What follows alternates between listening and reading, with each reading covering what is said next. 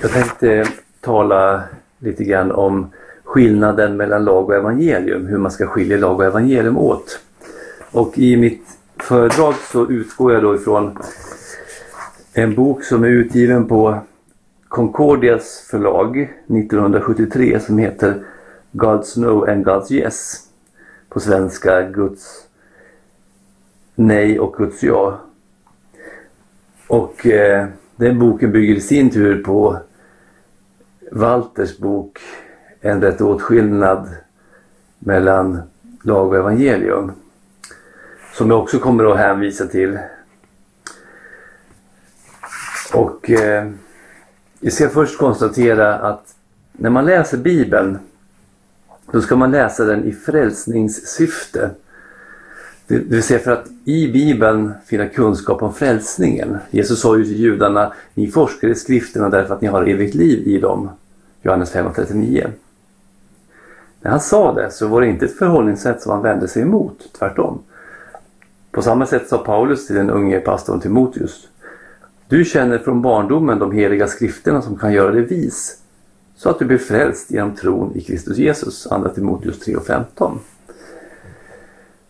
Men om man inte läser Bibeln ingående och har en helhetsbild så kan Bibeln för en människa te sig svår att förstå.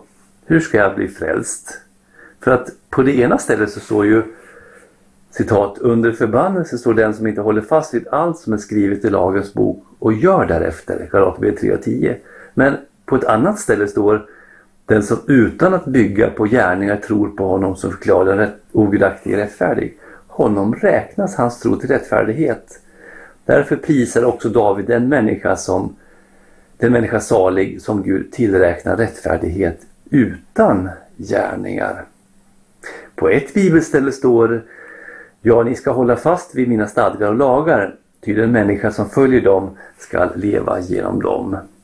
Och på ett annat ställe står det av nåden är ni frälsta genom tron, inte av er själva, Guds gåva är det, inte på grund av gärningar, för att ingen skall berömma sig. Hur hänger det samman? Lär Bibeln både att man kan bli frälst genom gärningar och av nåd? Har Paulus och Jakob olika syn på frälsningen när den ene säger att man blir frälst genom tron utan gärningar och den andra säger att tron utan gärningar är död. Dessa och många andra frågor blir besvarade när man inser att Bibeln består av två helt olika läror som båda är sanna men fyller olika syften. Lag och evangelium. Den lutherske teologen Dr. Walter säger detta. Om vi jämför skrifter med andra litterära verk så finner vi att ingen bok är så uppenbart fylld av motsägelser som Bibeln. Och det är inte bara i detaljer utan i själva grundsanningarna. I läran om hur vi ska komma till Gud och bli frälsta. På ena stället erbjuder Bibeln alla syndare förlåtelse. På ett annat ställe finns det ingen förlåtelse för syndare. I ett sammanhang erbjuds en fri gåva om evigt liv till alla människor. Men i ett annat sammanhang hänvisas människor till att uträtta något själva för att bli frälsta. Denna gåta får sin lösning om vi betänker att det i skriften finns två helt, helt skilda läror. Läran om lagen och läran om evangeliet. Slut på citat. Det finns alltså två principer i Bibeln som framställer två olika grundsanningar. För att kunna förstå och förklara Bibeln behöver man lära sig att kunna skilja mellan dessa lag och evangelium. Till Timoteus säger, skriver Paulus, gör allt du kan för att bestå provet inför Gud, likt en arbetare som inte behöver skämmas utan rätt delar sanningens ord. Andra Timoteus 2.15. Här använder Paulus ett ord som bara förekommer på ett enda ställe i Nya Testamentet. Ordet rätt delar, ortotomeo, finns i tidigare grekisk litteratur endast i den grekiska översättningen av Ordspråksboken 3 och 6 och 11 och 5. Och där tillsammans med objektet väg. Alltså skära väg rakt fram. Och lutherska teologer har menat att en förkunnare inte bara ska fördela Guds ord utan också dela så att man skiljer den sunda från den falska läran och dela så att man klart ser skillnaden mellan lag och evangelium. Luther säger att den som väl behärskar denna konst att skilja mellan lag och evangelium honom sätter jag på den förnämsta platsen och kallar honom för doktor i den heliga skrift. Så det svåra är inte att teoretiskt framställa skillnaden mellan lag och evangelium. Det svåra är att tillämpa lag och evangelium i hjärtat. Innan vi ska se på de faktiska skillnaderna mellan lag och evangelium så ska vi se på vad, vad som inte skiljer dessa sanningar åt. Skillnaden mellan lag och evangelium är inte att evangelium är en gudomlig lära och lagen en mänsklig lära. Utan båda dessa läror är Guds ord till människan. Inte heller är det så att lagen är någonting onödigt men evangelium det nödvändiga. Både lag och evangelium är lika nödvändiga. Utan lagen kan evangelium inte förstås och utan evangelium är lagen till ingen nytta. Skillnaden är inte att lagen är Gamla testamentets lära och evangelium är Nya testamentets. Eller att Gamla testamentets folk blev frälsta genom lagen och Nya testamentets folk blev frälsta genom evangelium. Gamla testamentet är fyllt av evangelium och i Nya testamentet finns också mycket lagförkunnelse. Frans Piper han skriver i sin bok Kristen dogmatik. Jag citerar. Evangelium om Kristus, det vill säga det gudomliga budskapet om syndernas förlåtelse genom tron på Kristus, var nådemedlet under hela den gammaltestamentliga tiden. Abraham och Moses trodde enligt skriftens vittnesbörd på Kristus. Luther, han säger var och när han såg var och när såg eh, Abraham honom. Med trons syn kände han till Kristus. Och därför kallas även Nya testamentets kristna för Abrahams barn och Abrahams säd. I Nya testamentet framhävs det särskilt att den kristna läran om rättfärdiggörelse genom tron på Kristus utan lagens gärningar omvittnas i hela Gamla testamentet. Romarbrevets hela fjärde kapitel ägnas åt att bevisa att Nya testamentets lära om rättfärdiggörelse inte är något novum, någonting nytt, utan att den är gammaltestamentlig. Även under den mosaiska lagens förbund var luftet om Kristus i kraft såsom nådemedel. Att judarna inte trodde på Kristus när han i tidens fullbordan uppenbarade sig återför Kristus själv till att de inte trodde på Moses skrifter. Slut på citat. Lag och evangelium finns alltså i hela Bibeln, både gamla och nya testamentet. Lag och evangelium skiljer sig inte åt vad gäller deras yttersta syfte, så att evangeliets, evangeliet syftade till människors frälsning medan lagen syftade till människors fördömelse. Både lag och evangelium har som sitt yttersta syfte att människor ska bli frälsta. Det är visserligen så att lagen efter, efter syndafallet inte kan frälsa oss utan endast förbereda oss för evangelium. Men Guds avsikt har ju inte förändrats för att människan har förändrats. Om människan hade kunnat lyda hela lagen så hade hon kunnat bli frälst genom lagen. Man kan inte heller säga att lagen är till för icke-troende och evangelium först när man är troende. Också en kristen kan behöva höra lagen, nämligen till sin gamla människa. Låt oss nu se vad för faktiska skillnader som finns mellan lag och evangelium. För det första skiljer sig lag och evangelium åt hur gripbara dessa två grundsanningar är för det mänskliga förnuftet. Guds lag är inte främmande för människor. Inte ens för människor som inte tror. Medan evangelium är totalt okänt för den naturliga människan innan Guds ande drar slöjan av evangeliet. Den heliga skrift säger om de som inte tror de visar att det som lagen kräver är skrivet i deras hjärtan. Om det vittnar också deras samveten och när de är tillsammans deras tankar som anklagar eller försvarar dem. Romarbrevet 2.15. Människan skapades med lagen, lagen skrivet, skriven i sitt hjärta. Genom syndafallet blev detta vittnesbörd från Gud fördunklat. Men det är inte helt utplånat. När lagen förkunnas för en hedning så kan denne också erkänna det är sant. För han förstår till viss del vad som är sant och rätt. Helt annorlunda är det med evangelium. Evangelium är en fördold hemlighet som inte kan förstås med det naturliga förnuftet. Gud måste uppenbara denna sanning genom sin ande. Vi läser i skriften. Vi förkunnar Guds hemliga vishet. Den vishet som är fördold och som Gud från evighet har bestämt att bli till härlighet för oss. Denna vishet har ingen av, oss, av den här världens härskare känt.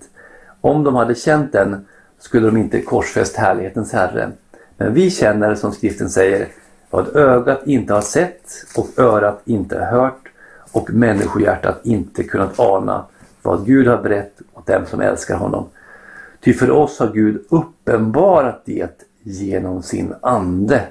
Anden utforskar allt, också djupen i Gud. Första Korinthierbrevet 2, vers 7-10.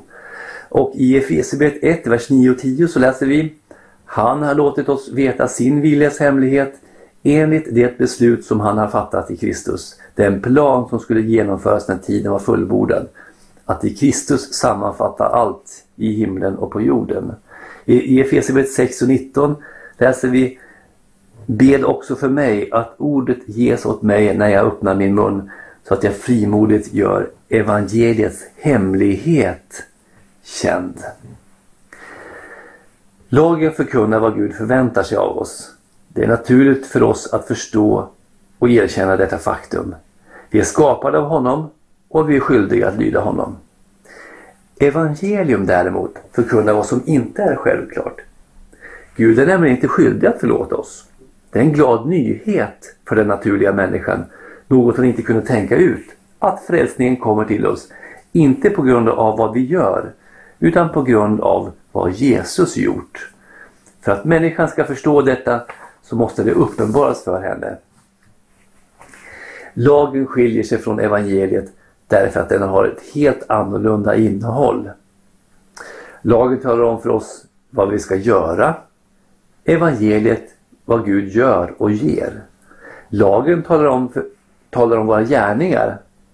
Evangelium talar om Guds väldiga gärningar.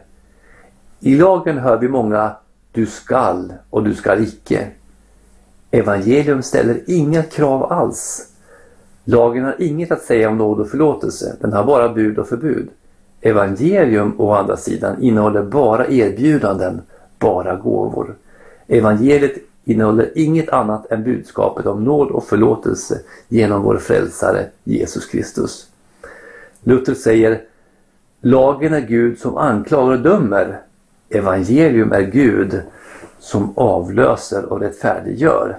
Och Piper han förklarar, jag citerar, och detta också från Kristen dogmatik, en bok som är utgivet på Proveritatis förlag 1985 i Uppsala. För att belysa den fullständiga olikheten mellan lag och evangelium vad beträffar deras innehåll har de lutherska teologerna också påpekat den väsentliga skillnaden mellan lagens luften och evangeliets luften och betecknat lagens löften som betingade och evangeliets löften som rena nådelöften. Fast det har bestridits av några antinomister måste vi med skriften tala om lagens löften därför att lagen tillsäger dem som verkligen håller den det eviga livet. Jämför man emellertid lagens löften med evangeliets vad beträffar deras beskaffenhet så är de rakt motsatta varandra. Skriften är mycket angelägen om att inskärpa att lagen utlovar livet blott åt de människor som verkligen hållit lagen i alla stycken. Ger vi akt på, på evangeliets löften så ser vi att skriften är full av vittnesbörd om att evangelium tillsäger rättfärdighet och liv åt människor som inte hållit lagen. Till den hopar uteslutande benämningar utan lag, utan laggärningar, icke av gärningar, icke av laggärningar och så vidare. Således måste vi med de lutherska lärarna hålla fast vid att de villkorssatser som hör till lagen faktiskt kräver en mänsklig prestation. Men I de villkorssatser som hör till evangelium så betecknar tron inte någon prestation eller gärning utan tillsägelsens sätt och art. Satsen om du tror så blir du frälst betyder inte om du presterar tro blir du frälst utan det betyder på trons väg utan någon egen godhet och utan egen prestation blir du frälst. Slut på citat. Skillnaden är alltså inte att evangelium innehåller luften men inte lagen. Skillnaden är att lagen lovar under förutsättning att man lyder medan evangelium lovar utan att kräva en motprestation. Den som håller lag får evigt liv. Den som tror evangelium äger evigt liv. Men lagen ger, som vi sett, evigt liv som följd av lydnad. Men lagen ger inte liv på grund av en halv lydnad, försök till lydnad eller att man gör så gott man kan. Lagen lönar bara den fullkomliga lydnaden med evigt liv. Guds lag kräver att vi ska hålla allt fullkomligt. Gud säger genom profeten Moses Förbannad är den som inte upprätthåller alla ord i denna lag genom att följa dem. 5 Mosebok 27 och 26. Och Gud säger genom Jakob Den som håller hela lagen men bryter mot ett enda bud är skyldig till allt. Jesus säger Var alltså fullkomliga så som er fader i himlen är fullkomlig. Matteus 5 och 48. Du ska älska Herren din Gud av hela ditt hjärta och av hela din själ och av hela ditt förstånd. Detta är det största och främsta budet. Men sen kommer ett som liknar det. Du ska älska din nästa som dig själv. På dessa två bud hänger hela lagen och profeterna. Matteus 22, vers 37 och 40. Eftersom lagen lovar med fullkomlig lydnad som förbehåll så tar den bort frimodighet. Om vi prövar oss inför Guds heliga lag så finner vi att ingen av oss fullkomligt kan göra allt det som Gud kräver och befaller. Walter säger Lagen erbjuder oss föda men räcker inte fram den så att vi kan nå den. Lagen säger förvisso jag ska släcka era själars törst och stilla er hunger. Men den är inte i stånd att göra detta eftersom den alltid tillägger allt detta ska ni få om ni gör som jag befaller. Lägg tvärt emot detta märke till evangeliets språk. Det lovar oss Guds nåd och frälsning utan ringaste villkor. Evangelium är ett lufte om fri nåd. Det begärs ingenting av oss. Tag emot det jag ger och det som är ditt. Det är inget villkor utan en välvillig inbjudan. Till skillnad från lagen är Guds evangelium alltså villkorslöst en fri gåva. Vi läser i Romarbrevet 1, vers 16 och 17. Jag skäms inte för evangelium. Det är en Guds kraft som frälsar var och en som tror. Först juden och sedan greken. Rättfärdighet från Gud uppenbaras i evangelium. Av tro till tro som det står skrivet. Den rättfärdige skall leva av tro. Och den här texten eh, kommenteras i tidskriften Biblicum. Eh, det fjärde numret 1974. Den rättfärdighet som syndaren behöver kallas i Romarbrevet 1 och 17 för diakosyne theo, Guds rättfärdighet eller rättfärdigheten inför Gud. Det vill säga den rättfärdighet som gäller inför Gud. Det är en fråga om människans rätta förhållande till Gud. Att människan inför Gud, hos Gud, gäller som rättfärdig. I Guds ögon framstår precis så som Gud, att hon i Guds ögon framstår precis så som Gud vill ha henne. Guds rättfärdighet betyder både att denna rättfärdighet härrör från Gud och att det är en rättfärdighet som gäller inför Gud. Denna rättfärdighet uppenbaras, ordagrant avtäckes i evangelium. Det förutsätter att den redan är för handen innan den uppenbaras eller avtäckes. Endast de ting som faktiskt redan existerar kan man säga att de avtäckes. Den rättfärdighet som gäller inför Gud är en gång för alla för handen i honom som evangelium handlar om, nämligen i Kristus. Kristus har, Kristus har färdigställt den genom sitt liv, sitt lidande och sin död. Och medan Kristus inte bara är sann människa utan också sann Gud, Guds son, är det en fullkomlig rättfärdighet som den store helige guden är helt tillfreds med. Gudamänniskan Kristus har gjort människans förhållande till Gud rätt, har utverkat Guds nådiga domslut över syndarna.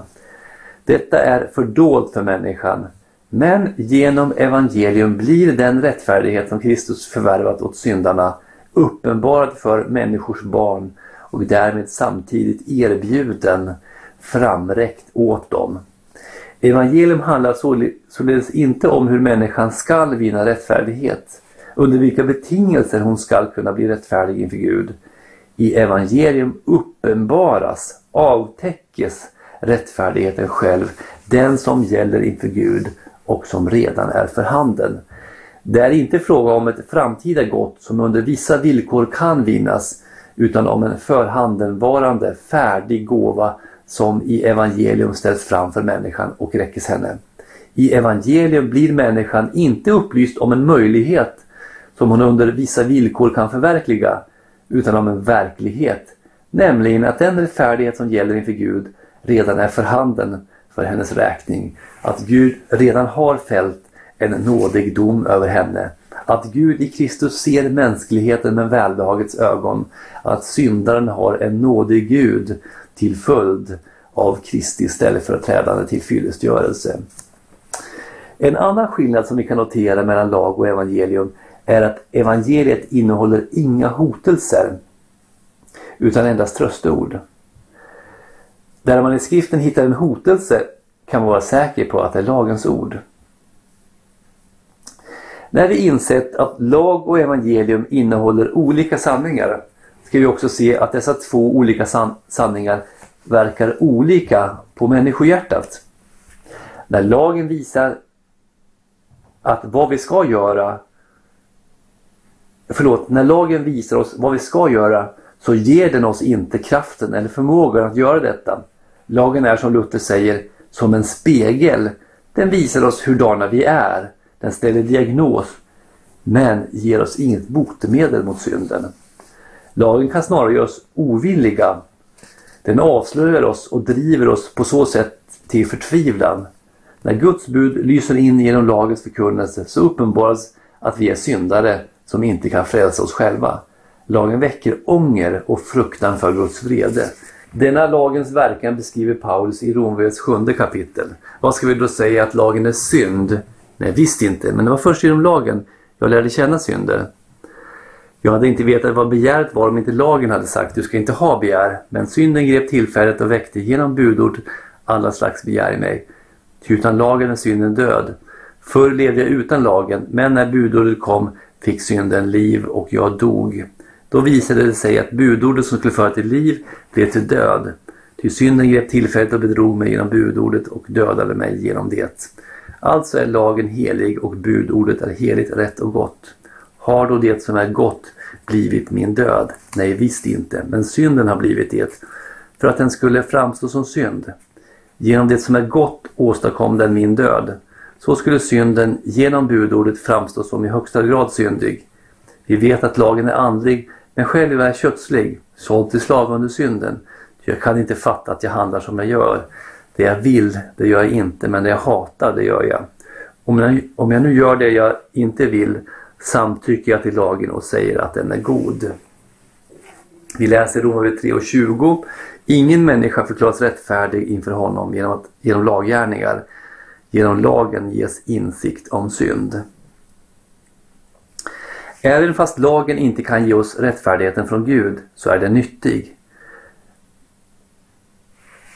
För människan, för att föra människan till Guds nåd i Kristus så behöver hon, för att människan ska föras till nåden i Kristus, så behöver hon inse att hon är skyldig, att hon är en syndare som behöver nåd.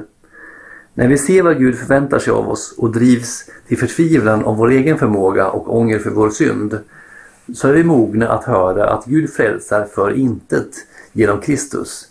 Vi är redo att höra evangelium. Medan lagen inte kan ge vad den kräver, rättfärdighet från Gud, så har evangelium motsatt verkan. Evangeliet talar om rättfärdigheten från Gud och verkar tro på samma rättfärdighet från Gud. Den tro som tar emot den rättfärdighet som Kristus vunnit åt syndare genom sin lydnad under lagen och sitt lidande. När evangeliet förkunnar för oss en korsfäst Gud, en korsfäst frälsare, så verkar den tro på samma frälsare genom det förkunnade evangeliets ord. Den tro som anammar, som griper om och förtröstar på frälsaren och hans förtjänst. Vi läser Evangelium är Guds kraft som frälsare var och en som tror. Han har frälst oss och kallat oss med en helig kallelse, inte på grund av det som vi har uträttat, utan i kraft av sitt beslut och sin nåd som han har gett oss i Kristus Jesus från evighet och som nu har blivit uppenbarad när vår frälsare Kristus Jesus trädde fram. Han har gjort slut på döden och fört liv och odödlighet fram i ljuset genom evangelium. Evangelium som är en förkunnelse om Kristus och hans nåd tröstar den av lagen förkrossade syndaren.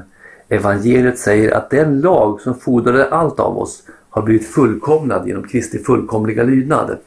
Men när tiden var fullbordad sände Gud sin son, född av kvinna och ställd under lagen, för att han skulle friköpa dem som stod under lagen, så att vi skulle få söners rätt. När syndare får höra att man är förlåten så blir man glad och får frid i samvetet.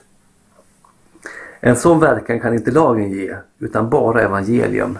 Den själ som sett sina synders förlåtelse genom evangelium Kristus säger med aposteln Paulus För min del vill jag aldrig berömma mig av något annat än vår Herre Jesu Kristi kors genom vilket världen är korsfäst för mig och jag för världen. Men allt detta som var en vinst för mig räknar jag nu som förlust för Kristi skull. Ja, jag räknar allt som förlust därför att jag funnit det som är långt mer kunskapen om Kristus Jesus min Herre. För hans skull har jag förlorat allt och räknar det som avskräde för att jag ska vinna Kristus och bli funnen i honom, inte med min egen rättfärdighet, den som kommer av lagen, utan med den som kommer genom tro på Kristus, rättfärdigheten från Gud genom tron. En sån glädje och en sån offervilja kan alltså bara evangelium föda. Evangelium ingjuter hos den troende kärlek och glädje. Ja, alla goda gärningar som lagen kräver. Kristus säger, jag är vinstocken, ni är grenarna, om någon förblir i mig och jag i honom bär han rik frukt. Ty utan mig kan ni ingenting göra. Att förbli i Kristus är att tro evangelium det är att förtrösta på, lita på att Kristus dött i vårt ställe och uppstått till vår rättfärdiggörelse. Walter han säger Evangeliets verkan består i att den, för, att den inte förbrår syndaren utan befriar honom från all skräck, all fruktan, alla kval och fyller honom med frid och glädje i den heliga Ande. Det är ingenting gott som människan först måste förse sig med. Inget gott hjärta, inget gott sinnelag, inga förbättringar i hennes levnadsställning, ingen gudsfruktan, ingen kärlek, vare sig till Gud eller till människor. Evangelium befaller ingenting, men förändrar allting. Det ingjuter kärlek i människans hjärta och gör henne skickad till alla goda gärningar. Evangelium fordrar inget men ger allt. Slut på citat. Låt oss sammanfatta skillnaderna mellan lag och evangelium. Lagen är någorlunda känd genom samvetet. Evangeliet är en hemlighet för den naturliga människan som måste uppenbaras av Gud. Lagen talar om vad vi måste göra eller vad, eller vad vi inte får göra. Evangeliet talar om vad Gud har gjort eller gör för vår frälsning. Lagen lovar evigt liv på villkor av perfekt lydnad. Evangeliet ger nåd och förlåtelse gratis utan villkor.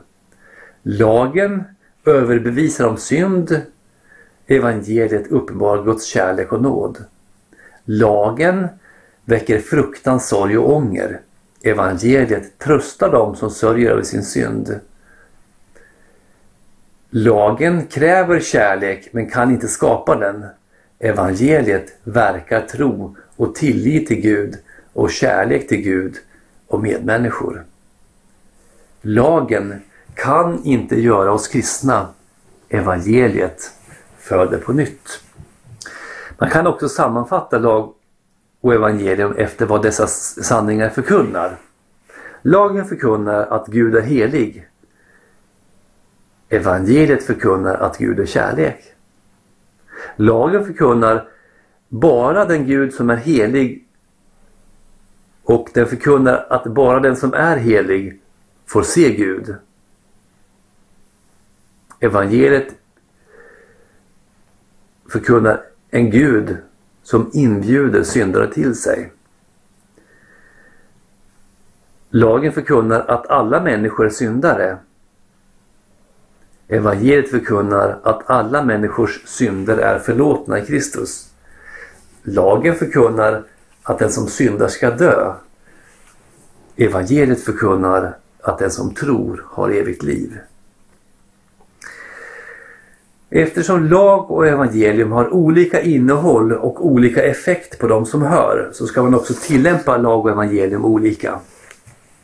Lagen behöver förkunnas för säkra syndare och evangelium för förkrossade syndare.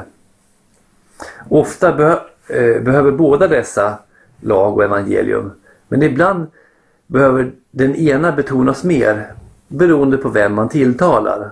Paulus skriver i första Timoteus 1, vers 8 och 10.